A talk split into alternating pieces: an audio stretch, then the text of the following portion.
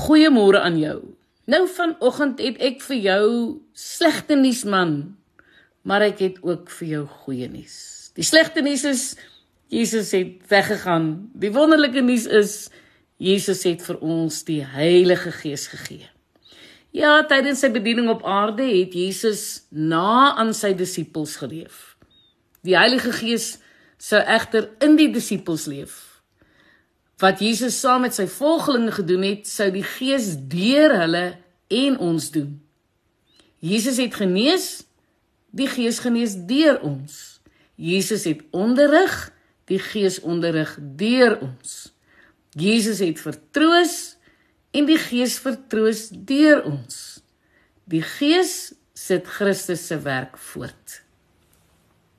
Die Heilige Gees is nie entoesiasme medelee of bravade nie hoor. Hy kan sulke emosies stimuleer, maar hy is self 'n persoon. Ja, hy bepaal reisplanne volgens Handelinge 16 vers 6. Hy deel geestelike gawes uit 1 Korintiërs 12:7 tot 11. En hy kies kerkleiers Handelinge 13 vers 2. Hy onderrig Johannes 14:26 en hy lei ons Johannes 16 vers 13. Hy vertroos ons Johannes 16 vers 7. Hy bly by julle en sal in julle wees Johannes 14:17. 'n Gas wat af en toe kom kuier, o nee, dit is die Heilige Gees verseker nie.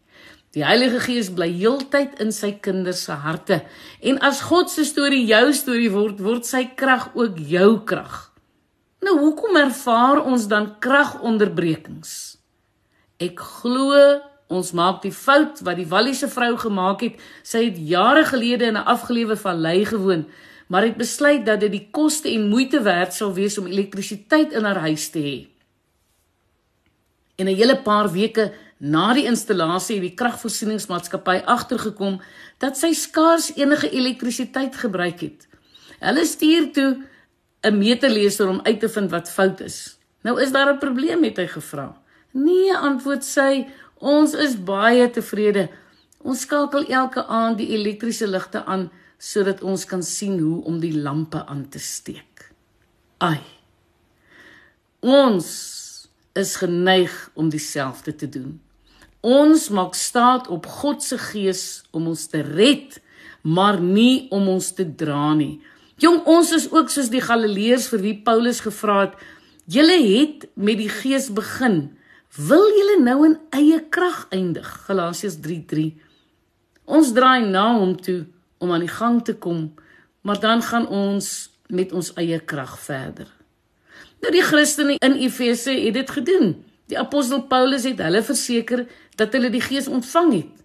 In Christus het die Heilige Gees wat deur God beloof is, julle as die eiendom van God beseël, sê hy in Efesiërs 1 vers 13. En tog moes hy hulle aanspoor om met die Gees vervul te word. Efesiërs 5:18. Is interessant, nê? Nou kan 'n persoon gered wees en nie met die Heilige Gees vervul wees nie? Ja, hulle was in Efese en in Jerusalem.